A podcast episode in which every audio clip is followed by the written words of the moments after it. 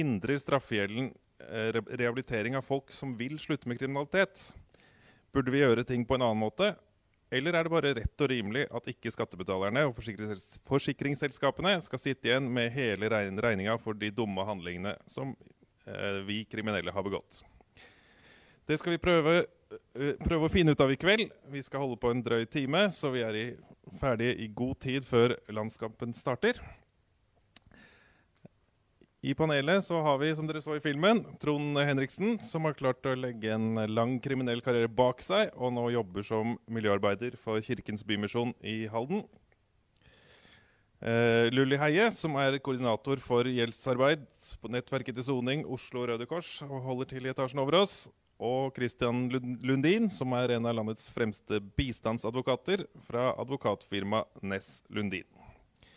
Vi skal kjøre klassisk debattstil, hvor dere stikker opp en finger hvis dere vil kommentere noe noen andre sier. Og så skal jeg prøve å følge med så godt jeg kan.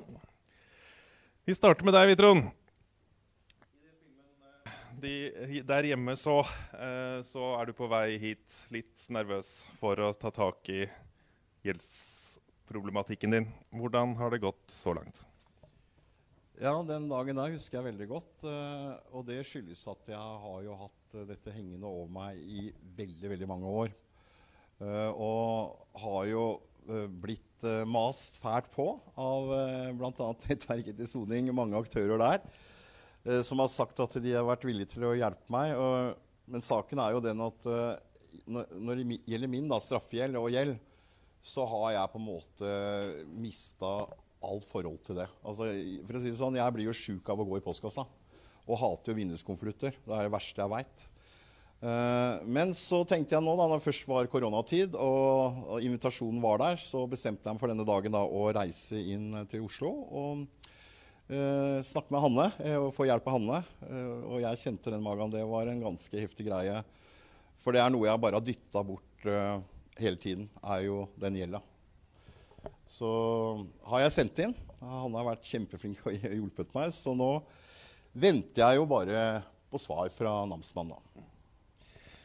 Hva, hvor mye er det du skylder, og hva er det du skylder for? Jeg skylder 1,3 millioner. Øh, veldig mye. Det meste er faktisk straffegjeld, som jeg da er blitt dømt til å betale. Uh, noe av denne gjelden uh, er over 30 år gammel. Uh, som enda forfølger meg. Uh, og så har jeg tatt noen dårlige valg når jeg har vært i, i en russituasjon og bestilt ting, ting og tang som uh, kanskje koster noen hundrelapper, som fort blir 15 000-20 000 i løpet av en tiårstid. Så, så, ting har jo bare vokst.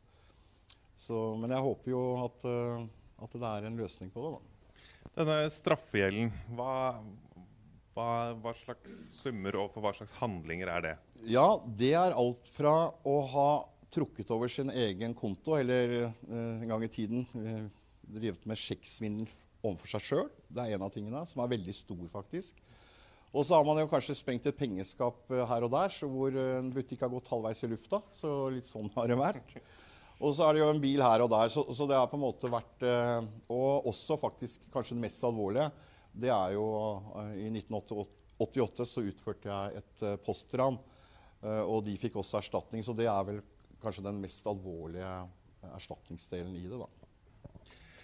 Kristian, hvorfor idømmes straffegjeld? Nå har Trond vært inne på noen typer, men hva, hva er det liksom hva, hva, ting, hva kan man bli dømt til å betale gjeld eller betale for? Hva slags straffegjeld kan man få?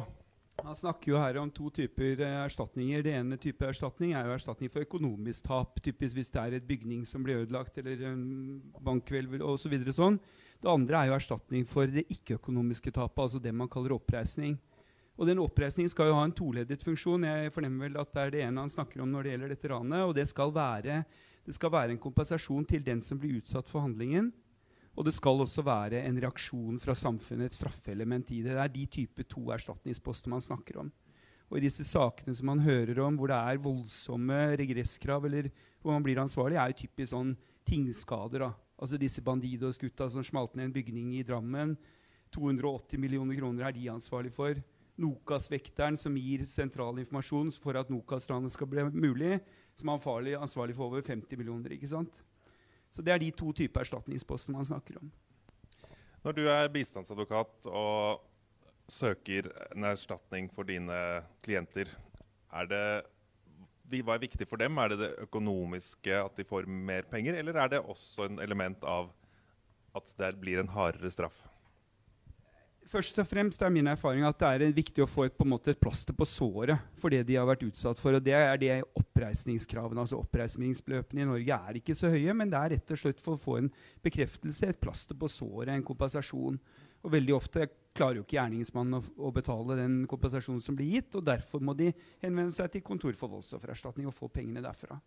Det er det viktigste for dem. Jeg, jeg har ikke noen tanker ofte om at, eller jeg har ikke noen erfaring med at det er hevnmotivet som driver men veldig mange av de kravene som fremmes, er jo typisk forsikringsselskaper som fremmer svære erstatningskrav pga. beløp de har utbetalt. Så fremmer de de mot gjerningsmannen. Lulli, eh, du ø, jobber jo i etasjen over her. Hvem er det som kommer til deg for å få hjelp med gjelden sin? Ja, sånn utover Trond. Ja, det er alle mulige personer. Eh, det er vanskelig å si at det er én spesiell type. Eh, der selvfølgelig er det straffedømte og tidligere straffedømte, i og med at vi jobber på nettverk etter soning. Eh, og veldig mange av dem har straffegjeld. Men det er alle typer mennesker. Felles for dem er at de har denne gjelden hengende over seg. en gjeld som gjør det vanskelig for dem å komme tilbake til et vanlig liv i samfunnet. Noen kommer med en stor pose sort søppelsekk med alle regningene sine. Noen har ikke engang uh, vært i postkassen og hentet regningene.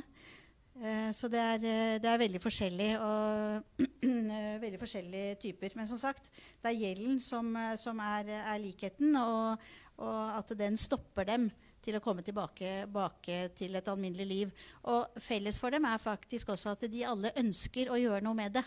De ønsker å gjøre noe med det. De ønsker å gjøre opp for seg uh, og ønsker å leve et uh, vanlig liv. Og det er ikke mulig når du har så mye gjeld. Eh, nå kommer det jo, som Trond sier, man kan ha krav for alt fra noen eh, småkjøp på internett til, til eh, store summer. Men hva er sånn typisk en av de som kommer til deg? Hvor mye er det de skylder for som er straffegjeld, og hvor mye er andre dumme ting man har gjort? Uh, ja, det er vanskelig å sette noe tall på det. Men som sagt uh, så er det veldig mange som kommer hit som har straffegjeld. Uh, og straffegjelden kan være alt fra 20 000 til titalls millioner, 40-50-60 millioner kroner. Um, og så er det også annen type gjeld, såsom Det er jo selvfølgelig forbruksgjeld, det er bøter også.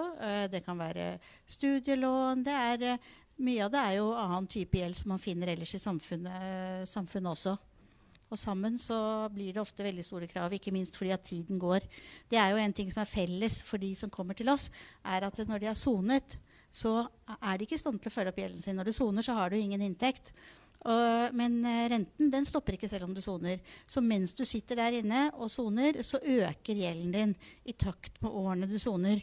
Så, så fengselet gjør gjelden verre. Så det, rentene bare løper selv om du i utgangspunktet skylder mange millioner, og så skal du sitte inne i ti år, så, så, blir de bare løpende.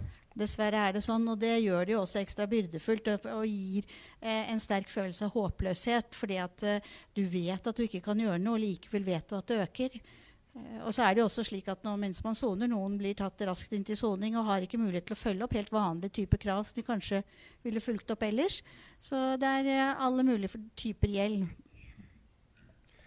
De som kommer til deg, er det sånn at gjeld er gjeld, eller føles denne idømte straffegjelden som tyngre enn de andre kravene? Mm, jeg tror nok den, eh, eller jeg ikke tror, jeg vet at den straffegjelden føles ekstra byrdefull. Eh, og det er jo De som kommer til oss, føler jo at det er en type dobbeltstraff. Jeg vet vi ikke skal diskutere det nå, men, men, det er klart det at du har sonet over lang tid og føler at du har gjort opp for deg, så kommer du ut. Og så har du fremdeles gjelden hengende over deg, og du vet at du har ingen mulighet Du kommer aldri, de som har de store kravene, og selv ikke de så store kravene også, vet at mange av dem vet at de aldri kommer til å ha mulighet til å dekke det kravet. Og da føler det som man fortsetter å sone, at man fortsetter å bli straffet, selv om man egentlig er ferdig med å avtjene den straffen man fikk. Den uh, gjelden, straffegjelden den blir som oftest innkrevd av Statens innkrevingssentral og på deres nettsteder står det Hva hvis den som skal betale erstatningen, ikke har penger nå? Dette er deres skryteside. Statens innkrevingssentral har et omfattende automatisk system som hver eneste natt gjør søk i ulike registre for å avdekke om det finnes noe av verdi som vi kan ta utlegg i. Når vi finner noe, starter innkrevningen. Høres ut som en knallhard torpedo, gjør det ikke det, Trond? Ja, ja. Lurer, hvordan er det å forholde seg til de, de kaller seg Sismo, som høres ut som en sånn hyggelig liten robot. Men hvordan er det for å holde seg til Sismo eller Statens innkrevingssentral for deg i ditt arbeid? Nei, for å være helt ærlig så syns jeg det er krevende. Eh, jeg syns at Statens innkrevingssentral er en av de tøffeste innkreverne. Eh, de, er, de har et automatisk system Uh, hvor de sender ut disse store uh, erstatningskravene med en gang de kommer. Vennligst betal disse 40 millionene i løpet av de neste 14 dagene. Det er klart at det gjør noe med deg når du får noe sånt i postkassen. Det er ikke ok. Uh, I tillegg så sendes jo De vet jo at du soner. De vet at den erstatningen kommer fra en dom. Du vet at du soner.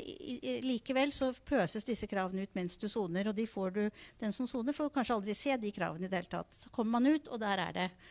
Og, eh, og, de er som jeg sa, de er, veldig, de er automatiserte og veldig aktive. Og de er en såkalt særnamsmann. Dvs. Si at de kan tvangsinnkreve sine krav direkte. De trenger ikke å gå til den vanlige namsmannen som vi andre gjør. Det er noen sånne offentlige kreditorer som er særnamsmenn. Det gjør at de er ganske effektive i inndrivingen sin. Det er kanskje det som er eh, vanskeligst med Statens innkrevingssentral, er at de nå skal vi snakke om gjeldsordning etterpå, men at de det er kanskje litt drøyt å si, men til tider så er de de vanskeliggjør i hvert fall frivillige ordninger. De vanskeliggjør frivillige ordninger, og det er klart at Når du har mye gjeld og ønsker å gjøre opp for deg, ønsker å komme videre, så er det viktig at du får lov til å gjøre noe med det.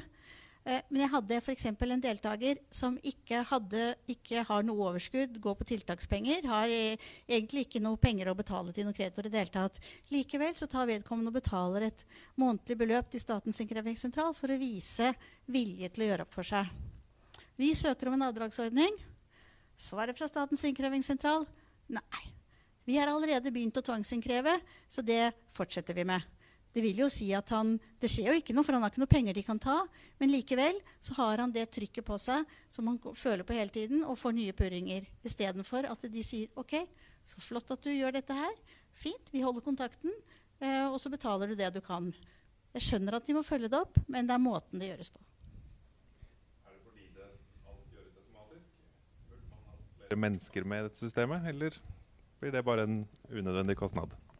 Det er vanskelig å svare på kostnaden, men jeg er helt overbevist om at det det i stor grad skyldes eh, både at det gjøres automatisk, og at de har veldig stramme rammer og instrukser for hva de skal gjøre, og hvordan de skal gjøre det. Fordi at man mener at dette er skattebetalernes penger. Men her er jo ikke spørsmålet om det skal komme inn penger eller ikke. Det er bare hva man gjør, for det er jo ikke noe penger å hente. Har du hatt noe med Sismo å gjøre, Trond? Uh, det kan du trygt si. Ja.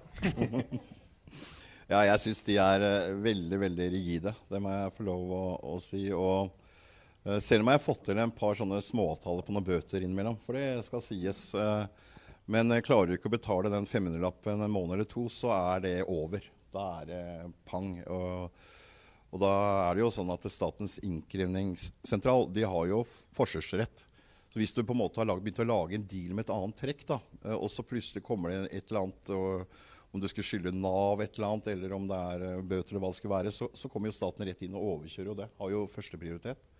Statens innkrevingssentral. Og da blir det eh, Har ikke så mye godt å si om de, egentlig. altså, for å si sånn. Men, men, det har vært før også. Før det automatiserte systemet syns jeg det var komplisert. At de, de, de levde etter noen kjøreregler som ikke var til det beste for dem som var på andre siden av telefonen. for å si sånn.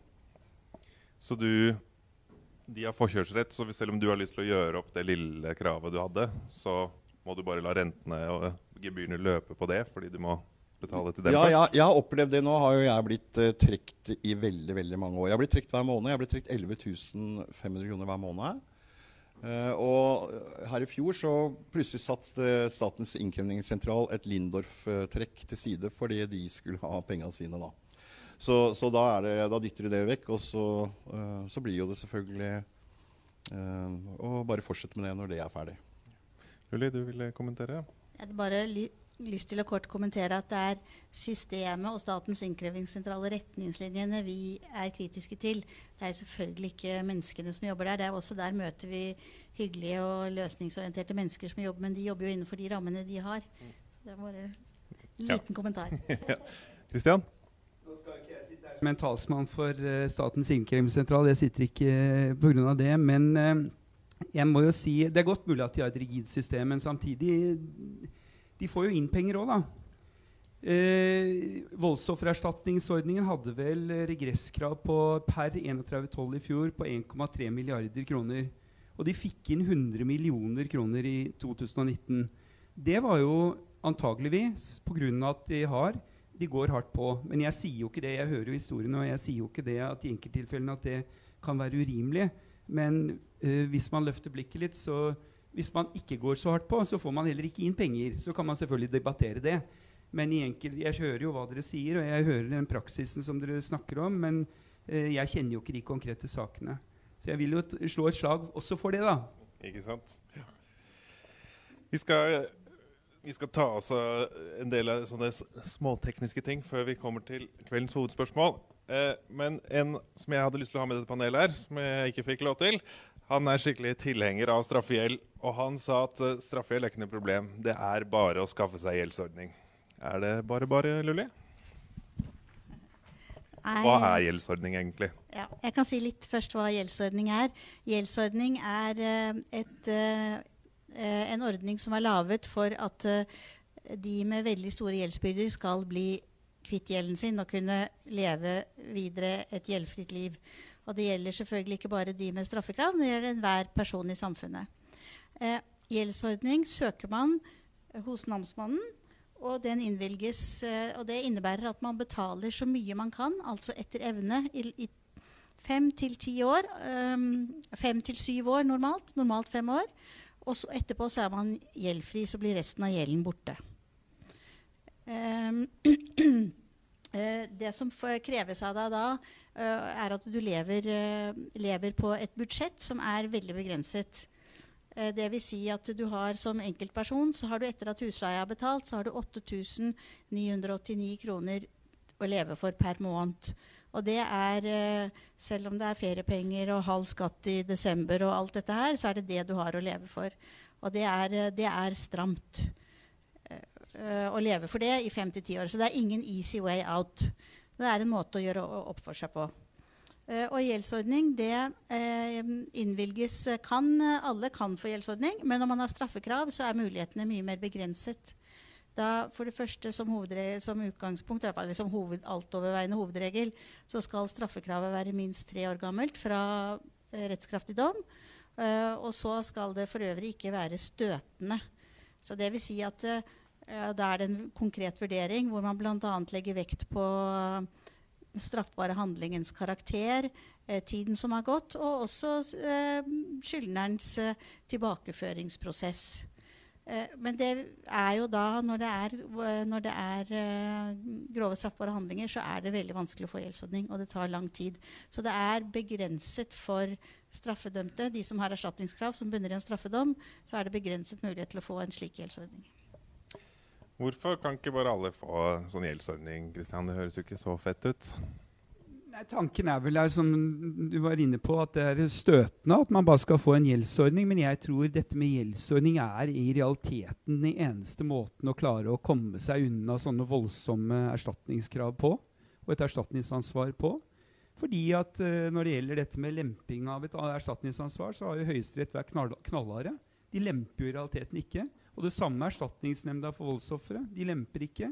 De gjetter ikke. Og da har man egentlig bare én utvei igjen hvis man skal ha noen sjanse, og det er veien om en gjeldsordning. Og så har man, der er det litt grann åpninger. Og, eh, men jeg tror nok tanken er at når det straffer fra en straffbar handling, ja, da, da eh, er det støtende. Det strider mot den allmenne rettsoppfatningen. Så kan man like det eller ikke like det. Er jo, det er jo ikke slik at alle straffbare handlinger kan skjæres over en kam. Noen begår man mer på min puls, andre er nøye planlagt. og jeg mener jo i hvert fall at man burde nyansere og differensiere litt mer. Og ser faktisk altså åpne opp for at er man på glid, gjør man en innsats og Det er som du sier, det er jo ikke bare walk in the park og få gjeldsordning og så uh, leve livets glade dager. Det er jo en tøff innsats. Så jeg mener jo at man burde i hvert fall se nærmere på det, gå mer individuelt til verks og, og, gjøre konkrete vurderinger for å få det til. Det er min oppfatning. Ville du kommentere, Trond? eller? Ja, jeg har veldig lyst til å, kommentere det støteprinsippet. Fordi jeg mener at det støteprinsippet der i mange tilfeller faller på sin egen urimelighet. Og det handler veldig mye om uh, hvis vi ser, Nå skal jeg være litt konkret. da. Uh, når én har uh, blitt løslatt fra fengsel, eller kanskje vi har brukt millioner på å rehabilitere vedkommende, og så kommer vedkommende ut, skal prøve seg i hverdagen, får seg jobb, og så går det en par måneder, og så kommer trekka. Og det er voldsomme trekk. Og, og, det som skjer i realiteten for veldig veldig mange, det er at man mister motivasjonen til å arbeide videre. Uh, for i utgangspunktet så er det ikke veldig stor forskjell mellom sosialhjelp og de kravene som uh, namsmann setter til trekkene. Ofte er det faktisk i noen tilfeller bedre å gå på sosialkontoret. Og da mister man jo motivasjonen til å jobbe. Uh, og da blir det jo litt sånn derre uh, Hvis vedkommende gir blaffen i å jobbe uh, og, og, trenger penger, kanskje begynner å selge sin egen medisin, som mange gjør De begynner med småkriminalitet, kanskje pusher litt her og der. Og vips, så er man tilbake igjen bak fengselet og koster samfunnet mange nye millioner kroner. Så når vi snakker om det der med, med, med støteprinsippet og skattebetalerne, så tror jeg faktisk at skattebetalerne i mange tilfeller må betale veldig, veldig mye mer fordi vi har en lov som er rett og slett så jævlig rigid og, og gjør det umulig for mange mennesker å komme tilbake til samfunnet. Uh, og sånn som du sa, jeg er litt enig i det at det er klart at uh, um, har man gjort en ting som er veldig alvorlig, så skjønner jeg også det. Og straffegjeld jeg, jeg, er faktisk for at det Jeg skjønner at det funker og må være der. Men jeg tenker når man har holdt opp da, i 10-15-20 år Si disse Nokas-guttene, f.eks. Hvordan i all verden skal de greie å komme tilbake til samfunnet når de har 40-50 millioner i gjeld. Det er jo helt umulig. Så da kan man jo egentlig bare si at til dere dere er det ikke noe håp for. Eh, anbefaler dere å gå på sosialen resten av livet. Og da tenker jeg at det må jo være støtende for samfunnet. Så det støteprinsippet er ikke jeg bare helt med på at det er det som på en måte legitimerer straffegjelden. For det mener ikke jeg at det gjør i mange tilfeller. Vi skulle jo ha en av Nokas-ranerne her i kveld som måtte melde avbud. Han skylder 65 millioner. Det gjør de alle sammen i solidaransvar. Vi skal straks komme tilbake til det. Men eh, det jeg lurer på til dere to juristene borti hjørnet er, Hvor går grensa for hva som er støtende? I, i, i eventteksten for de som har lest den, så står det om, eh, om disse to guttene i Porsgrunn, 17 og 18 år gamle, som tenner på en søppelkasse som da en gammel, ærverdig kirke brenner ned. Og så kommer de ut av fengsel etter to-tre-fire år og skylder 34 millioner. Er det denne guttestreken som er den støtende, eller hva, hva er støtende? Hva betyr det? Kristian? Ja, jeg tenker jo at uh, Nå snakker du om gjeldsordning, men, men, det man kan tenke seg i en sånn situasjon, er at de kunne gått veien om en lemping. Og der har man jo åpnet opp en viss adgang til lemping av et erstatningsansvar hvis det er en guttestrek. Det er egentlig bare i de situasjonene hvor man kan få til lemping, at skyldforholdet er ikke så alvorlig. At det er bare en guttestrek, og så får det voldsomme konsekvenser. Men der hvor skyldforholdene er mye grovere, hvor du har nøye planlagt handlingen, da får du ikke lemping. Og Da man, kastes man over til gjeldsordningsproblematikken og det som er støtende. Og det har jo du mye mer erfaring på enn meg. Julie? Ja. Nei, bare ja, stø, først um, Det er ikke noe tvil om at uh, det å slite med gjeld er et hinder for tilbakeføring, og det har forskning også vist. Det, mm. det, gjør at du ikke kommer tilbake til samfunnet. Og da uh, Vista Analyse gjorde en analyse for oss i, to, i Nettverk etter soning i 2014 som viste at eh, ved at du får én person tilbake til et normalt liv en, med en, med en nokså moderat eh, lønn, eller en, helt, en meget moderat lønn, så ville man i løpet av 20 år spare 15-20 millioner kroner bare på at de ikke begår kriminelle handlinger.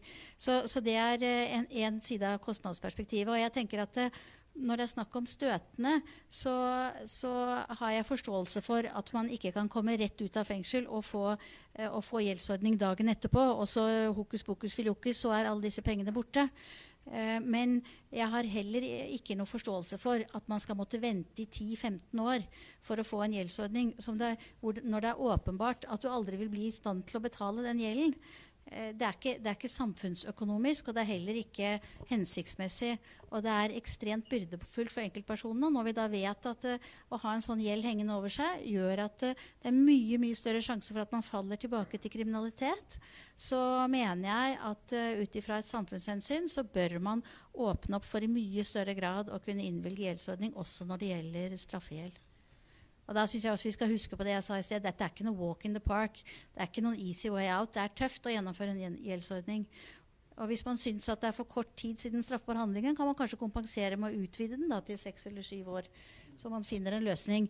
Men det er vanskelig å gi noe sånn konkret svar på hva som er støtende, for man må gjøre en konkret helhetsvurdering, som juristen ofte sier. Ja. der, det, der er jeg faktisk litt uenig. Jeg skulle gjerne ønske at, eh, at det med gjelda var avklart før man blei løslatt. At der ligger det på en måte en ordning som ligger foran deg og sier at hvis du klarer deg nå i fem år, kompis, så stryker vi denne gjelda. Da skal du få en sjanse. for Hvis det er sånn at folk skal komme ut og øve seg og prøve å komme i arbeid og får den i trynet, så kommer folk til blaffen. Det er mye bedre å forberede veldig mange av de som sitter der inne, da, som skal komme ut og kanskje aldri har jobba før, og så har man på en måte kommet i en vei hvor man prøver å ønske å gjøre noe med livet sitt. Og så må du si nei, vet du, nå kommer du ut nå, da går det skikkelig, skikkelig dårlig med deg veldig lenge. Kanskje du må holde på noen år og være ute og se om du på en måte klarer å jobbe og leve på et minimum. Det syns jeg er så utrolig strenge krav at det er på på grensen til urealistisk å få til det eh, eh i realiteten. For det syns jeg er veldig viktig at vi, vi, må være realistiske her. Når du kommer ut, og hvis du forventer at de menneskene skal gå ut og ta et samfunnsansvar og begynne å jobbe, så, så, tror jeg ikke det er første de ønsker seg en, en lønnsslipp hvor over halvparten av lønna er borte. Da tenker jeg at da uh, tenker folk som har gjort så mye endringer for å gjøre noe med livet sitt, at uh, ah, var det verdt det, liksom? Er, jeg tror ikke man klarer å se så langt fram at det vil gjøre endringer om noen år. Så, så, så, jeg tror at vi burde heller satse på å få mange flere inn i fengsel til å hjelpe innsatte i dag med å få gjort noe med gjelda si. Så at det er klart når du kommer ut og sier at OK, her har du sjansen. Fem år så, så stryker vi det. Julie? Nei, Jeg er helt enig i det at man bør starte å jobbe med gjelden sin mens man soner. Fordi den gjelden den er, eh, er, vanskelig å ta tak i, og det tar tid. Og det krever en, en livsendring å gjøre noe med den. For det at du, eh, sånn at, eh, at, man kan starte med det mens man soner, og få en gang den tanke, tankeprosessen. Og også få en oversikt, sånn at man er forberedt når man kommer ut. Det er vi veldig opptatt av. Så vi har jo laget et materiale som er til bruk spesielt egnet til å brukes Eh, inne mens man soner. Eh, og vi har også kjørt kurs og har laget kurs som kan kjøres inn i fengslene i hverdagsøkonomi og gjeldshåndtering. Så, så, det er jeg helt enig med deg og jeg mener at man burde ha mer kapasitet eh, på, fra, feng, fra fengselsbetjentene til å bidra. At det burde, og at det også det, jeg vet KRUS har en del opplæring for nye fengselsbetjenter, men det bør også intensiveres. Så alt det er jeg helt enig i. Eh, da er man mer forberedt og kan få i gang en, en gjeldsordning eller en, eh, en, løsning raskere. Eh, og så mener jeg også at man bør ha et bedre system når man kommer ut, til oppfølging. Vi ser jo hvor utrolig viktig den tette oppfølgingen er for de som trenger hjelp. For det er ikke en quick fix. Ikke, selv om man da fyller vilkårene for gjeldsordning, så er det ikke bare å få en gjeldsordning i fanget, og så er problemet løst. For dette krever at du endrer deg og, og, tar tak i livet ditt og gjør ting på en annen måte fremover. Sånn at uh, Jeg skulle ønske at man hadde et større tilbud også til de som kommer ut. Vi har ventelister hos oss. Det er mange som ønsker, uh, ønsker hjelp. Og Nav har eh, lovplikt til å gi et tilbud, men det er dessverre også altfor lange ventelister der. Christian? Nei, Jeg er ikke noe i tvil om at eh, et stort gjeldsansvar helt sikkert er uh, forstyrrende og sikkert også mange situasjoner ødeleggende for en rehabilitering. Men samtidig så tenker jo jeg at man må uh, se litt på helheten her. fordi at det handler egentlig om hvem er det som skal bære dette tapet. Hvem skal gjøre det? Skal det være offeret som er utsatt for en straffbar handling, som kanskje ikke er i hele tatt i stand til noen rehabilitering? Skal det være eh, forsikringsselskapene? Eller skal det være skattebetaleren gjennom staten? Det er jo det man må se på. Og, jeg er helt enig med, med, med deg. er at det regnestykket, godt tenke seg at det regnestykket ser, ser veldig dårlig ut. Altså Det kommer ut en person fra endt soning. Han går rett ut på sosialen, kanskje begynner med ny kriminalitet osv. At det totalt sett koster samfunnet. Det regnestykket tror jeg ikke det er noen som er kanskje ikke har tatt eller tør å ta. Fordi at det regnestykket tror jeg ser ganske dårlig ut. Men det er det i realiteten man snakker om her. Hvem er det som skal bære dette tapet? For de som slipper ut, som kanskje kommer ut med en svær gjeld, som aldri vil klare det. Altså, Terroristen fra 2011 han er ansvarlig for, nå for 310 millioner kroner. Og nå har de sluttet å fremme krav mot ham, for de skjønner jo det at de vil aldri få inn en krone. ikke sant? Så det er ikke noe vits i. Ehm, ja. Lilly? Ja, nei, eh, jeg, i sted så burde, Når jeg snakket om gjeldsordning, så burde du også sagt at eh, et absolutt vilkår for å få gjeldsordning er at du er varig ute av stand til å dekke dine egne forpliktelser. Så du får ikke gjeldsordning hvis du kan tjene nok penger i løpet av de eh, 10 eller 15 neste, hvis du er relativt ung, de 15 neste årene til å betale gjelden din. Hvis du har penger til det, og man antar at du vil få en sånn inntekt, så får du ikke gjeldsordning. Så strenge er kravene. Og det er helt generelle krav i dag, uavhengig av hva slags krav det dreier seg om. Sånn at eh, hvis du har penger til å betale, så skal du betale. Det er for de som aldri vil kunne betale. Det er de denne ordningen gjelder for. Så det er ikke et tap som noen må bære, for det er et tap som oppsto i det øyeblikk det erstatningskrav ble gitt. For det, da vil, man vet at det aldri vil bli betalt. Men gjeldsordning er også noe man bare får én gang. Det er jo ikke helt uvanlig Trond, at folk med vår bakgrunn klarer seg bra noen år, og så havner de på snørra igjen. Da, er man, da er den brukt opp. Eller?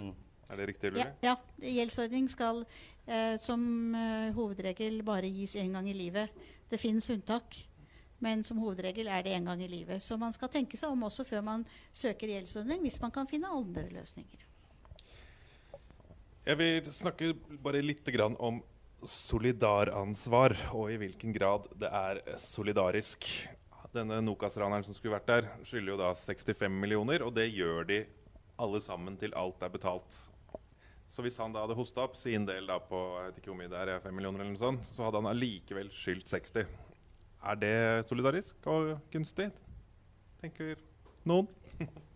Hans sak er jo spesielt fordi at hans sak den gikk jo helt til Høyesterett. Og Høyesterett sa jo i 2008 var det vel, at han ga så sentral informasjon. Den informasjonen han ga, var helt avgjørende for å kunne gjennomføre den handlingen. Så han fikk faktisk prøvet hele sin sak opp til Høyesterett. Og Høyesterett sa at man lemper ikke.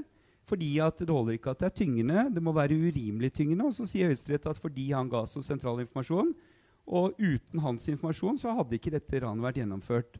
Så jeg tenker umiddelbart ja, det er eh, solidarisk, fordi at da får han eventuelt venne seg til de andre. Han får selvfølgelig aldri noe penger derfra heller, eh, eh, fra de andre. Men eh, hele systemet er bygget opp slik at er det flere som begår en samme og straffbar handling i fellesskap, så kan man fremme krav mot en av dem. Det er, det er hele tanken bak eh, systemet.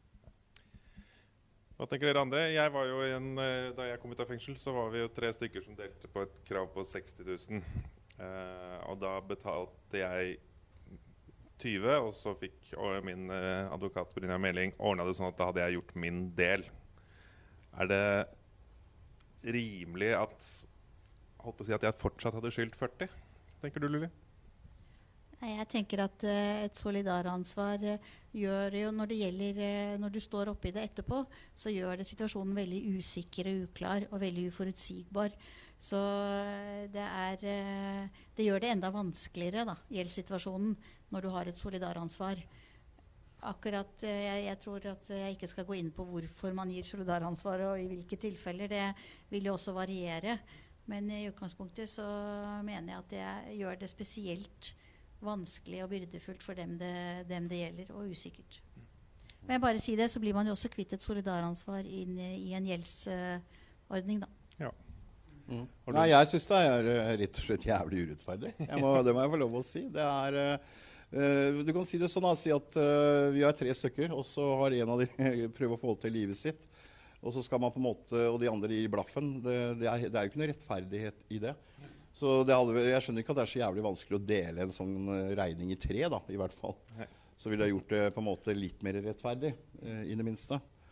Eh, selv om det å ha 60 millioner og delt det på jeg vet ikke hvor mange det er, om det er på 10, så er det jo eh, i hvert fall gitt større muligheter for den enkelte til å gjøre noen endringer da, i livet sitt. Ikke sant?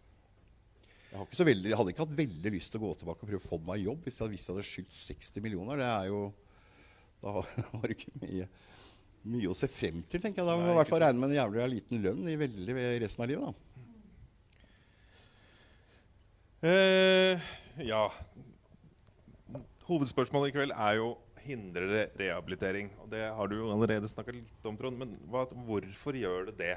Hva, hva skjer når man kommer ut av fengselet og skylder alle disse pengene? Og Jeg nevnte det litt i stad, uh, hvor man kommer ut, og, og, og det å så komme ut i arbeid, er, ja, skolearbeid, men spesielt arbeid, er utrolig viktig. Eh, grunnen til at jeg jobber videre og har så dårlig lønn, det er fordi all den verdien som ligger i å ha et arbeid, ha et sted å gå til, ha de rammene, eh, få et nytt nettverk. Så det er så mange fordeler. Og så skal jeg ærlig innrømme at eh, hver gang jeg får lønna mi 27., så banner det og sverter jeg og er jævlig deprimert av å se den lønna. Eh, Men så har jeg bestemt meg for at eh, dagen etterpå så går vi bare videre. Ellers så blir man jo klin kokos av å bare leve sånn. Men for meg handler det om litt enten-eller òg. For jeg vet at hadde jeg gitt blaffen i jobben, gitt blaffen i livet mitt, så hadde jeg antageligvis nå sittet i Halden fengsel i Ullersmo eller et eller annet sted og bare begått eh, ny kriminalitet mange nye år. Så jeg vet på en måte hvor, hvor landet ligger. Men nå har jeg blitt litt eldre og forhåpentligvis litt klokere også. Så, så, så jeg ønsker på en måte å og prøve å komme tilbake og leve et vanlig liv. Og, og vet du hva? Jeg, er en av, jeg, jeg drømmer egentlig om å få en telefonregning i mitt eget navn. Altså, Jeg eier ikke en jævla dritt i livet mitt. Kjæresten min har boligen, selv om vi på en måte finansierer den på, sammen med den lønna og, og det hun har. Så eier jo ikke jeg noen ting. Jeg får aldri liksom ha en telefon. Jeg får aldri lov å være en del av det samfunnet som jeg så inderlig har lyst til å bli en del av. Fordi jeg dreit meg ut for 30 år siden, og da tenker jeg at er ikke det dobbeltstraff? Så, så skjønner ikke jeg noe. Uh, for det mener jeg. Og det, det syns jeg er galskap at du driver og forfølger mennesker med hjelp fra de er 20-30 år gammel. Da, da, har jo ikke folk en mulighet da, til å komme tilbake igjen. Men gjelder ikke det for alle som gjorde dumme ting for 20-30 år siden, som kanskje ikke var kriminelle? Jo det er jo selvfølgelig. Det er mange som tar lån i dag og, og har uh, stor gjeld og har, sliter med det.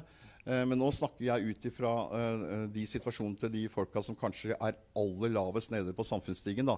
Rusmisbrukerne som i dag ikke har uh, noen verdens ting, bare, hvor bøtene går i været hele tida.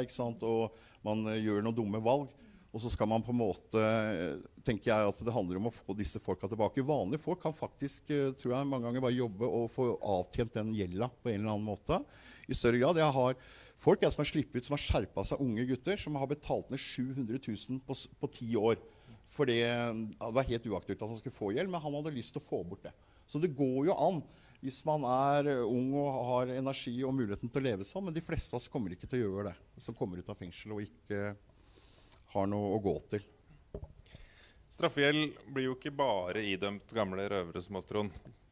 Jeg vet ikke hva du fremmer krav mot, Christian, men det er vel mye sånn vanlige folk som har Kanskje har, sitter, har, eier noe, da.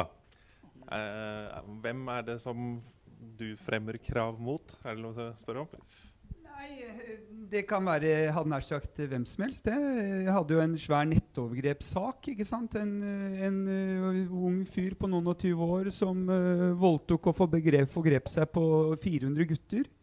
Og han har et ansvar nå for, han blir idømt et ansvar på 18,5 millioner kroner totalt i oppreisning til alle de gutta.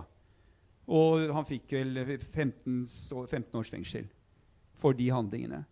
Det er ett eksempel. ikke sant? Så har du enkeltepisoder hvor det er enkle voldshandlinger, slåsskamp på byen, eh, ofre for ran, ofre for andre, andre, straffbare handlinger som man fremmer krav på mot i, i, i straffesaken. Så man har egentlig hele spekteret her.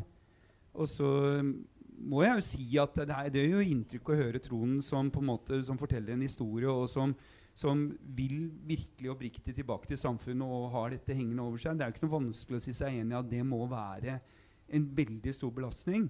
Og jeg vet ikke, det er sikkert mange i din situasjon som ikke orker det, eller som gir opp og så sånn, fordi at de har det hengende over hodet. Så eh, det blir liksom valget mellom to onder. Skal man henge på fra statens side for å få det inn for staten eller for et forsikringsselskap, vel vitende om at man kanskje aldri får det? Man får aldri inn 65 millioner kroner fra vekteren fra Nokoslandet, tror jeg. da. Eh, eller, skal man, eh, eller, skal man, gi litt etter og være litt mer imøtekommende og som du sier, gi litt mer slack? da. Det er kanskje den andre varianten som man må prøve på sånn totalt sett for samfunn. da. Altså, jeg synes i hvert fall Det som er viktig eh, når det gjelder straffegjeld for jeg, har prøvd, jeg prøvde på slutten av 90-tallet og begynnelsen av 2000-tallet å få gjort noe med det. Og det når det står uh, 'skal kreves i sin helhet' i loven Nå har det vel blitt noen endringer og noen åpninger der. Uh, men det er jo veldig trist. Jeg husker hun ene dommeren jeg hadde, som sier at jeg, skulle, jeg, jeg har aldri ønska i noen en gjeldsordning mer enn deg. Men så lenge en av aktørene sa nei til gjeldsordning, så var det helt umulig for henne å gjøre noe. Og det syns jeg er veldig rart, at ikke en dommer skal kunne få lov å gå inn og avgjøre en sak. Altså, Du kan dømmes til 21 år av en dommer, men en dommer skal ikke få lov å si at vet du hva, jeg syns uh, han eller hun har gjort en, uh, en, stor endring i livet. Jeg tror det er samfunnsøkonomisk og til det beste for samfunnet og enkeltindividet at, uh, at du får en gjeldssanering. Og, det, og, Den åpningen skulle jeg gjerne ønske at dommerne fikk. Og, men det er det politikerne som må, må, åpne for, tror jeg, i utgangspunktet. Selv om det er, ligger litt åpninger nå. Jeg håper jo inderlig at jeg skal selvfølgelig få en ordning. Men, jeg, men, det er jo veldig sånn geografiske forskjeller, og det også er jo veldig irriterende. ikke sant, at du kan få, Oslo er langt fremme. Uh, du har andre steder i Norge som uh, du ikke får det. Og det er urettferdig. Det syns jeg er veldig urettferdig. Lili? Eh, si det at Dessverre så er det sånn at eh, Vi snakket om SI tidligere, Statens innkrevingssentral. og Det er dessverre sånn at de ofte sier nei til gjeldsordninger, til en såkalt frivillig gjeldsordning. Nå er da denne instituttet utvidet litt, så man kan få gjeldsordning også med straffekrav. En såkalt tvungen gjeldsordning. Selv om ikke, de, selv om ikke alle kreditorene er enig, så kan retten eh, gi deg en, en, en, gjeldsordning. Så det er en, en viss, en viss, mulighet her. Men ehm, jeg tenker at uh, den muligheten må utvides, for den er ikke god nok. Fordi at uh, det er for tungt og for lang vei å gå for mange. Og jeg tror at uh, samfunnet har mye å tjene på at man gjør den ordningen mer fleksibel i forhold til straffekrav. Når det er sagt, så har jeg også bare lyst til å si kort om namsmenn. Så er det dessverre slik som Trond sier, at det er veldig ulik praksis hos namsmenn. Og én ting er den faktiske praksisen som går på vedtak, men det andre er også at man av og til ser at noen rett og slett nesten blir avvist i døra når de sier at de har straffekrav. Og når du hører på Trond, og hvor tøffe karen som har kommet seg så langt. ikke sant? Hvor byrdefull denne gjelden er. Og når du da endelig tar mot i deg, og du går til namsmannen og skal søke, og så får du liksom bare, blir bare møtt sånn i døren, det er klart at det tar jo helt motet fra deg. Så det er veldig viktig at man skaper en helhetlig måte å håndtere dette på. Og nå har vi fått større namsmannsdistrikt så, og mer samlet kompetanse, så kan vi håpe at det endrer seg. Men dette er noe som vi som, som, som jeg vet det jobbes for, men som vi vil også prøve å presse på for at det skal jobbes ytterligere for. Nei, vet du hva, jeg, jeg har bare lyst til å si akkurat det. Det er, det er veldig viktig det du sier der. fordi eh, når man på en måte eh, kommer ut da, og så begynner disse trekkene eh, og, og, jeg skal ærlig innrømme i begynnelsen så begynte huet mitt å vibrere etter kriminelle løsninger for å styrke økonomien min. Og jeg syns det var eh, egentlig forferdelig. For der hadde man altså brukt ganske lang tid på å prøve å få meg til å unngå, eller få, lære meg å altså, unngå disse triks- og miksekulturene. Det der å lage lette løsninger. De brukte masse programmer i fengselet eh, for å få meg på en måte til å tenke det og, og, og, og jobbe for det. Og så, så, på en måte kommer du og møter virkeligheten da, og, får den i trynet. Og så sitter du og har ikke penger. da. Eh, I begynnelsen så følte jeg at jeg rett og slett jobba for en banan om dagen. Og, og, det er klart at når du skal eh, kjøpe deg ting og, og, og, røyk og alt det som er, så er det så lite penger igjen til slutt at du driver og vurderer kriminalitet. Og det, det kjente jeg på. Det syns jeg var utrolig ubehagelig. Å sitte i hele tatt, at, at de tankene kom inn på fordi eh, økonomien var sånn. Uh, og, det, og, det, vet jeg at den er jo der. Og hvis, når jeg har den, så vet jeg at veldig mange andre har den også. Uh, og det triste ofte jeg ser, det er jo at folk begynner å selge medisinen sin ikke sant? Begynner for å få ekstrainntekter, og, og, og, det er jo bare veldig trist. Julie? Nei, jeg, eh, jeg, er jo helt enig med deg, og dette er jo tanker og, som vi ser hele tiden. Jeg tror at noe av det kan kanskje avhjelpes ved at man som jeg sa, starter med gjeldsarbeidet inne mens man soner, og får hjelp på vei ut, tett oppfølging på vei ut, for å unngå de trekkene. For jeg tror mye av dette handler også om å være herre i eget liv. ikke sant? Så når du får de trekkene hele tiden, så, så, så er det ikke Du bestemmer ikke selv. Du vil være i førersetet. Men hvis man tar tak i gjelda si og får orden på dette her, så kommer man i førersetet, og det gir en helt annen holdning. Stemmer det litt med hvordan du tenker, Trond? Det er helt riktig. Uh, for, ja, det, det, er helt riktig. For man har jo ikke Det er veldig nedverdigende. Det er ikke mye verdighet i måte å leve og, og holde på Hvis man begynner å trikse og mikse, så plutselig er man tilbake i, i gammel moro som man hadde jobba så hardt for å komme vekk fra. da. Uh, og så blir man jo og så blir man jo rett og slett syk av det også, føler jeg. Når man jeg går jo ikke i postkassa. Det er jo kjæresten min som går i postkassa og åpner, åpner den fordi jeg hater den. Og, og hvis det er vinduskonvolutt, blir jeg i hvert fall veldig engstelig. Og, og, det gjør jo at du på en måte går glipp av Hvis du på en måte blir så Og det tror jeg mange liksom orker ikke å gå i den der postkassa. Og da kommer det jo masse nye problemer da, som du på en måte ikke får gjort unna fordi du bare orker ikke å gå i den kassa. Uh, så det er jo uh, det er mye rundt det med, med gjeldsordninger som, uh, som, også kan gjøre deg syk. Altså, ikke bare fysisk, men psykisk syk. Du, du, får ikke på en måte lov å komme tilbake til det du ønsker deg mest. Da. Eh, og det tror jeg vi som samfunn både skal være så rause og rett og slett eh, samfunnsøkonomiske og se at det burde vi lage noen, noen gode ordninger på. Og så selvfølgelig så skjønner jeg også det støteprinsippet er der. og og, og, noen tilfeller så må vi på en måte nødvendigvis uh, innføre det. Og det kan ta lengre tid for enkelte ut ifra den kriminaliteten man har gjort. Er, den, den, ser jeg veldig tydelig. Men det er liksom litt grenser. da. Hvor lenge skal vi liksom holde på å, uh, å, å dømme mennesker? For det er, altså, du kan si hva du vil, du har sittet i fengselet, men det er en dobbeltstraff. Den følger deg ut ifra den kriminaliteten. Og så har jeg sona ti år, kommer ut og tenker ja, nå skal jeg begynne på nytt. Og så plutselig får du fortida di bare rett i ræva på nytt. Og det tenker jeg det er ikke veldig eh, veldig bra for en, en, rehabilitering og en progresjon i livet. i hvert fall. Så, så, jeg tenker at det er viktig at man på en måte, ok, det må være en grense her. Ellers så sier vi at deg er det ikke noe håp for, og det tror jeg ikke vi som samfunn skal gjøre. Nei, det, er liksom det, og det er jo å nyansere litt her. at jeg mener hvis, eh, hvis noen hadde rappa bilen din, og den har vært 100 000 kroner, og så hadde fått en straff for det, og så hadde han kommet tilbake og sagt at eh, nei, du, får, du trenger ikke i hele bilen, du trenger bare i halvbilen. Du hadde ikke akseptert det. ikke sant?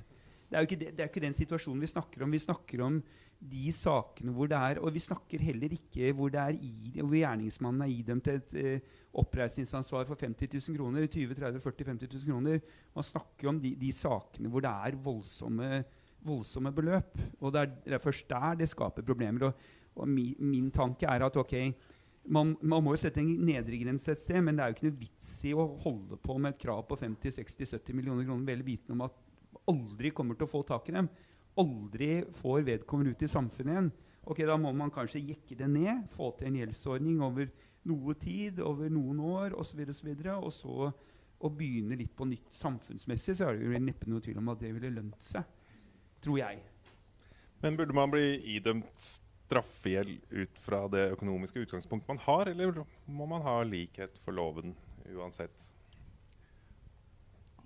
At jeg, altså, eh, jeg får uh, det, det, rabatt i voldsoffererstatningen min. Nei, det det, skal du ikke få. ikke sant? Det, du, det, man snakker om, det du kaller straffegjeld, er jo egentlig er jo erstatningsansvar. ikke sant? Og, og, I erstatningsretten så er det slik at du skal uh, ha krav på å få det fulle tapet ditt dekket. Altså Klarer du å påvise et tap, klarer GIF skadeforsikring å påvise et tap på 200 millioner kroner for en bygning som er brent ned, ja, da skal de ha 2 millioner kroner, 200 millioner kroner for det.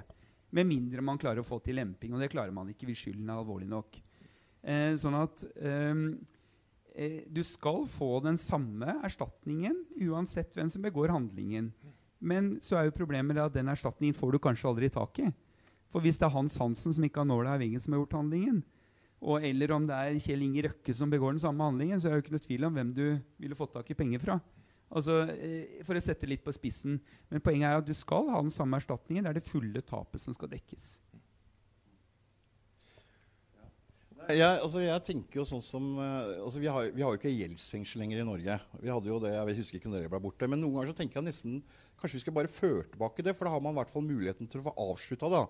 Nå håper jeg at de kunne være litt rausere enn disse bøtene hvor du soner for en par hundre kroner dagen. Da kan plutselig sitte inne noen hundre år.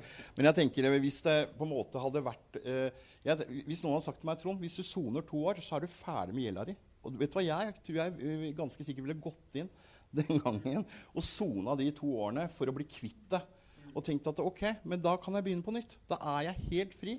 Uh, for det er jo Jeg syns jo på en måte det er dobbeltstraff. noen ganger så tenker jeg det er høyere murer ute i samfunnet enn rundt et fengsel. Og dette er en av de veldig veldig høye murene som jeg tror faktisk ikke folk flest er klar over hvor ødeleggende det er for samfunnet vårt der ute. Uh, hvor mange mennesker som ikke får muligheter fordi Eh, eh, eller situasjonen er så vanskelig at man ikke klarer å få gjort noe med den. Og det er jo uh, veldig veldig uheldig uh, samfunnsøkonomisk og ikke bare for enkeltindivider. Familier som kanskje drømmer, mammaer og pappaer som sitter og håper at nå skal det gå bra med sønnen eller dattera mi. Og så sier de nei, det gikk ikke så bra. Jeg hadde jo gjeld, da. Fikk ikke jobben. ikke sant? Var ikke noe vits i. Jeg hører mange mammaer sånn som forklarer på den måten.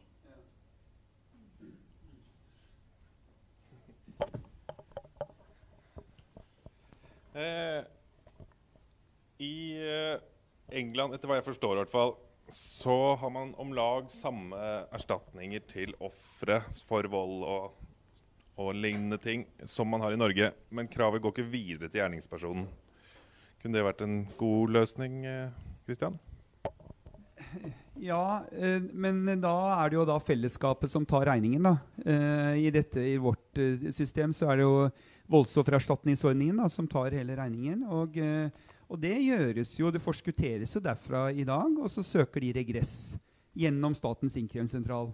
Og de henger på eh, og inndriver. Eh, slik at eh, eh, da må man fjerne hele det systemet. Da, da er det fellesskapet som skal ta eh, regningen, ikke gjerningsmennene. Tror du det vil være bedre ut fra sånn rehabiliteringsperspektiv, Trond? eller? Det tror jeg. Ja, jeg, jeg, tror det, selv om jeg tror at også det kan være veldig provoserende for enkelte. At, eh, at, jeg må sitte og betale for eh, noe idiotisk enn noen andre har gjort. Men man skal ikke glemme at også vedkommende blir dømt for det. Da. Altså, hva er egentlig straffen? Skal det både være en fysisk eh, straff, eh, frihetsprøvelse, og så skal det være en økonomisk straff? Så vi kan jo bare på en måte OK, er, er det fair? Liksom? Er det OK? Jeg syns ikke det. Jeg tror at uh, mange flere ville hatt muligheter uh, uh, hvis man hadde på en måte kommet vekk fra de, den store gjelda som er så ødeleggende. Eh, så kan man definere eller skille, differensiere eller hva, hva som helst. men jeg tenker at det er en bedre ordning, faktisk. Mer samfunnsøkonomisk også, tror jeg faktisk det er. Julie? Jeg tror Trond har rett i det. Det er jo selvfølgelig en liten utfordring at du vil også da, De som faktisk kan betale disse erstatningskravene, vil også slippe unna dem. Og det kan jo virke stride litt mot den allmenne rettsoppfatningen. Så om det er mulig å få til en sånn drama, så, endring da, i vårt system, det, det, er ikke, det, er jeg ikke, sikker på. Men jeg er helt sikker på at det ville bety veldig mye for tilbakeføringen for de aller, aller, aller fleste. For de aller, aller fleste som har den type gjeld, de kan ikke betale all den gjelden. For da er du mot erstatningskrav i det hele tatt? Godseieren som voldtar eh, nabojenta, skal han slippe noe økonomisk straff? Altså, han får jo straff for uh, Så kan man si at voldtektsstraff er for lite, og bla, bla, bla. Ja, men det, da blir det en helt annen diskusjon her. Uh, han får en straff uh, som er nedfelt i straffeloven. og så skal man ers gi erstatning til vedkommende også. og det er jo sånn det funker her. jeg kan forstå det. Jeg kan forstå at man ønsker erstatning fra fra folk som utøver kriminalitet. Men jeg tenker at det som er lurt å gjøre, er jo å se an hvem er det som har utført kriminaliteten. Er det Røkke som kjører på et skjær og vraker 100 båter rundt, så greit. Eh, tenker jeg, ok, Han har råd til det, han. Men er det en rusmisbruker som kjører rundt eh, nede i Oslo han er og vraker 100 båter, så skjønner jeg at han kommer aldri til å klare det. Så det går an å lage en differensiering litt ut fra Men det er jo, men jeg tenker altså, i hvert fall gi dommerne muligheten til å gjøre den differensieringa, da. Ikke sant, tenker jeg så får vi lage noen systemer hvor man kan på en måte få gjort noe med det raskere enn sånn som det er i dag. Du som er i retten til stadighet, Kristian, er dommerstanden kapabel til å ta sånne avgjørelser?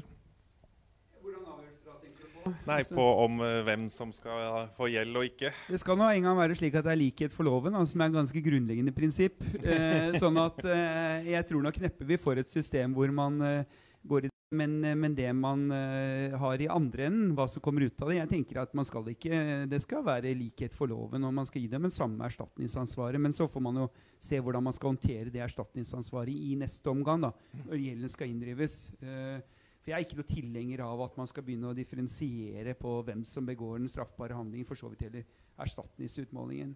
Men litt tilbake til dette med om det er fellesskapet som skal bære regningen, eller, eller den enkelte, så, så må man jo Hva da med de handlingene, sakene hvor det ikke blir en straffesak? Hvor gjerne igjen, hvor, hvor vedkommende som skader, eh, blir idømt et eh, oppreisningsansvar. Eh, Skal han bære det, eller er det fellesskapet som skal bære det? Skal fellesskapet bære det først når det er en straffbar handling? Blir, jeg tror det blir vanskelige diskusjoner, det blir vanskelige nyanser, eh, hvis man skal begynne å differensiere sånn. har vel ikke alltid jeg fulgt der uansett, da, men det er en annen sak. Eh, men jeg ser, ser at det blir en del utfordringer med, med, med det. Eh, men, men jeg tenker at det, som i hvert fall er mulig å få gjort, da, det er at ok, du kan få den, den eh, gjelda, men at vi må på en måte være realistiske og se hva gjør det for vedkommende videre i livet. Det tror jeg vi må bare være innsatte. Det tror jeg vi igjen tjener på. Og, det tror jeg er så viktig at folk der ute skjønner at ok, jeg syns han jævelen der fortjener å betale. Men eh, hvis vi gjør det, eh, og så vil vi antageligvis betale eh, jævlig mye mer. Eh, fordi han ikke klarer det. Og det håper jeg folk ser, at det er faktisk mer lønnsomt for oss noen ganger å investere i de menneskene foran oss. Og så får vi ettergi noe av denne gjelda. Eh, det er jo som du sa, at i løpet av eh, Uh, Istedenfor å koste millioner kroner hvert år i kriminalitet og fengselsstraffer og, og you, you name it, så kan plutselig folk få seg jobb. da. Uh, jeg ville heller innført for straffeskatt. Det har jeg alltid vært litt sånn tilhenger av. At man kan gi 1-5% i straffeskatt, for det klarer alle. Og så er det ikke poenget at man klarer å betale all gjelda si. Men i løpet av ti år så har man betalt to millioner i inntektsskatt. Og det må vi ikke glemme. Det, og det er jo det beste for oss alle. Så det er ikke bare det at uh, det koster mye hvis folk snur om, men det er utrolig verdifullt hvis de kommer tilbake til samfunnet og fungerer. Vi må ikke glemme det. det er liksom, nei, du koster så mye hvis det går dårlig, men hvor mye tjener vi egentlig på å få deg tilbake? Hvis vi kan se det litt sånn, så tror jeg vi kommer mye lenger i diskusjonen. da. Ja, straffeskatt, det syns jeg er fint. Ja, straffeskatt, det har jeg sagt mange ganger. 1-5% da kan alle klare seg. Og så, uh, og så er det poenget at folk skal holde seg og, og jobbe og tjene penger og, og, betale skatten og bli lovlydige borgere og gode naboer og alt det vi sier. Ja. Ferdig rehabilitert. Ikke sant? Hva tenker dere to juristene om eh, straffeskatt? Nei, det er jeg litt, øh, litt, øh, litt mer usikker på. Jeg, må, jeg tror det, det blir litt øh, tilfeldig i forhold til at det er så mange ulike, ulike tilfeller. Selv om Nei, så jeg, jeg har troa på at, at det som er mest gjennomførbart akkurat nå, hvor vi kan finne løsninger eh, fremover, er å utvide gjeldsordningsinstituttet og utvide, sånn som jeg sa tidligere, det som skjer inne, inne mens man soner, og bistå, putte mer penger inn i bistand og, og hjelpe i overgangsfasen og i oppfølgingen. Så har jeg stor tro på at det på sikt sparer oss for mange, mye kostnader samfunnsmessig. Og så er jeg også helt sikker på at det vil gi mange mennesker et veldig mye bedre liv. Ja, jeg er enig i det. Og jeg mener jo at med dagens praksis og, og, og tilstand hvor det er så vanskelig å få lempet på et erstatningsansvar tilnærmet eh, lik null, så må man gå veien om å, å se på gjeldsordningsmulighetene og, og bare det. Og nå, nå, nå, nå, jo, nå skjer det jo noen positive ting òg. eh, nå er det vel vedtatt at, at, at um, i lov om Statens innkrevingssentral at renten ikke skal løpe under soning. Eh, sånn at Det er jo en positiv endring. for det er klart Går du inn til soning i x antall år med en gjeld som man aldri klarer å betjene når du er i fengsel, og du kommer ut på andre siden, og den er mangedoblet bare pga. rentene og Det er en situasjon ikke man hadde tenkt på, tror jeg. For det har ikke noe, Men nå er det i hvert fall eh, blitt en endring på det, sånn at det er mye bedre. Så man slipper det enorme rentekravet, typisk den eh, Nokas-vekteren som du nevnte. Mm. Ja, Trond. Hva tenker du? Du har jo sagt noe om det, men hva Nå har de fått uh, sagt sine tekniske ting. Hva tenker du at vi burde gjort annerledes, sånn helt konkret? altså jeg syns fremdeles straffeskatt er et godt forslag. Ja, for det, det, er en annen form. Altså, du kan si Det er jo straff og skatt for så vidt når de krever også. Men, Avlat heter det i gamle dager. Ja. Uh, jeg altså jeg, er, jeg syns det er sagt veldig fornuftig, og de, er, de ved siden av her er kloke mennesker som jeg føler vil det beste for, for sånne som som er i en vanskelig situasjon. og jeg tror det er sånn vi må gjøre det. Vi må på en måte uh, se enkeltindividets uh, uh, altså rett og slett fremtid er veldig avhengig av at vi gjør noe med det. Og det er jo forferdelig ødeleggende hvis den vedkommende der som kanskje kunne ha blitt et veld, veldig bra borger og nabo, plutselig blir din verste fiende igjen fordi at livet ikke fungerer fordi vi har bygd noen jævlig høye murer der ute som det er umulig å klatre over. og det, det, er det på en måte mitt ønske er. da. At vi skal se, se på, på, denne problematikken med nye øyne. Og og nye muligheter. Og så er jeg også veldig, veldig Det er jo litt sånn synd at det nesten bare er Røde Kors som er så veldig gode på, på dette med sanering, og det skal de få. Det har jeg bare lyst til å si. At tusen takk til Røde Kors som har stått på og hjulpet meg så mye. Og jeg veit dere hjelper mange andre også. Så det er en fantastisk jobb dere gjør. Og jeg skulle ønske at det var mange mange flere av dere både inn i fengslene, kanskje mer inn i Nav. For det er eh, nesten umulig å få en, en saksbehandler som er god på, på, på, på økonomi. Så, så, heia dere. Så håper jeg at politikerne i hvert fall i minste kan uh, kjøre på, så vi får flere som dere. Det tror jeg også er veldig veldig viktig. Og det er veldig hyggelig å bli møtt med den positiviteten og, og, si at vet du, Trond, har du, kom igjen, prøv å gjøre noe med livet ditt. altså Klare å motivere et menneske som i 30 år har hata postkassa si, som har hata all gjeld. Og det tok mange år, det tok fire år før jeg kom hit. Men i fire år så har jeg blitt punka og mast av Røde Men, men tusen, tusen, takk for at dere maste på og, og, og, forhåpentligvis kan få en mulighet til å få den der jævla telefonregninga i fremtiden. da. Det er ikke alle som vil ha telefonregning, men jeg faktisk ønsker meg en. I mitt navn. Ja. Jeg må først og fremst si tusen takk for veldig hyggelige ord, Trond. Det setter vi veldig stor pris på. Eh, jeg har også lyst til å si at dette er det er jo våre frivillige. Røde Kors er jo tuftet på frivillighet. Og det er de frivillige som gjør denne jobben hos oss. Eh, og de gjør en fantastisk jobb. Og vi ønsker også, hvis noen ser på dette og har lyst til å være frivillig i gjeldsarbeidet, så hjertelig velkommen.